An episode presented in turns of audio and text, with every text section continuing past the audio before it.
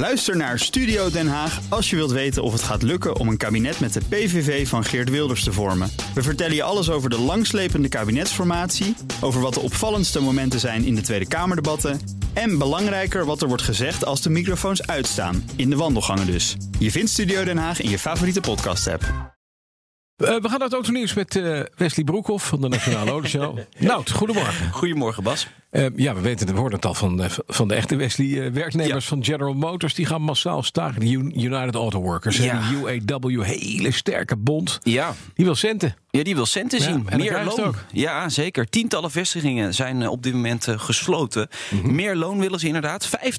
50.000 medewerkers die staken. Voor het eerst in 12 jaar. Dat was toen aan de vooravond van de kredietcrisis. Kon je toen nog wel voorstellen hè, van dit gaat helemaal mis. Dat zagen die mensen ook wel aankomen. Deze staking gaat toch uh, zo'n 50 miljoen uh, dollar per dag kosten voor General Motors. Er ligt wel een voorstel op tafel. Dat vind ik dan wel mooi. Uh, de lonen zouden daarin omhoog gaan. Er zou 7 miljard geïnvesteerd gaan worden in fabrieken. En er zouden extra banen bij komen. 5400. Maar ja, dat vinden ze dus niet goed genoeg. Die vakbond die jij nee, net noemde. Het mag een beetje meer. Ja. Dan olie. Afgelopen weekend met drones de Saudische olieproductie met 5%, ja. met 50% gehalveerd. Ja. Tijdelijk. Wat betekent de Frans van de Bom? Uh, dat gaat uh, betekenen dat wij meer gaan betalen. Nee. Vandaag nog niet, want nee. die adviesprijs is dit weekend uh, berekend. Dus dat heeft nog niet heel veel impact. Maar vanaf morgen verwacht United Consumers echte gevolgen. 1 à 2 cent per liter. En op termijn, dus dan hebben we het over een week, anderhalve week, 5 cent per liter erbovenop. Dus, dus nu tanken. Ja, ja, dus nu nog even onbemand tanken. Dan is het nog goedkoper. Ja.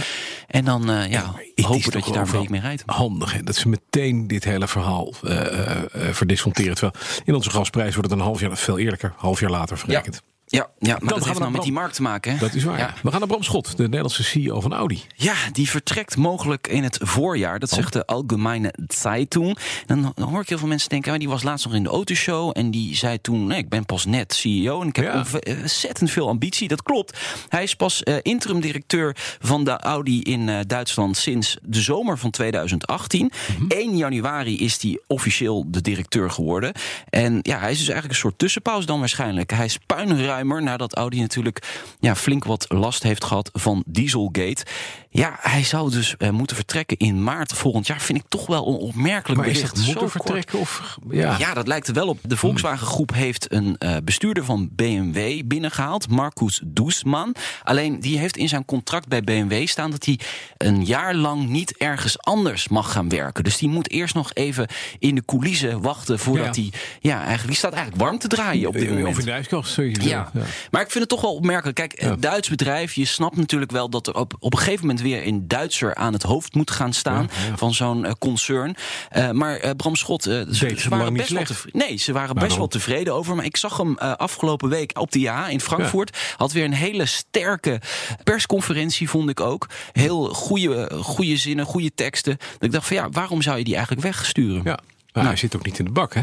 Zoals nee, zeker baas. Nee, nee, Dan Mercedes-Benz. Uh, heel kort nog een moderne interpretatie van de Simplex. En dat is wel leuk, want de Simplex was destijds die auto ketting aangedreven. Ja. Mega snel. En nu komen ze met een soort uh, elektrische ja, variant ervan natuurlijk. Het is eigenlijk een soort moderne interpretatie van die Simplex... die begin vorige eeuw inderdaad op de markt was. Maar het is vooral om te laten zien dat uh, Mercedes-Benz... een nieuw designstudio heeft bij Valbon. Dat ligt ergens bij Nice in de buurt. Uh, ja, ik vind het een beetje een vage, vage auto. Het is, een, het is een conceptcar, dus hij komt niet op de markt. Nee, gelukkig. Huppakee, weg. Hele grote wielen. Gauw vergeten. Simplex ja, was leuk, okay. deze niet. Dankjewel, nee, goed, dankjewel.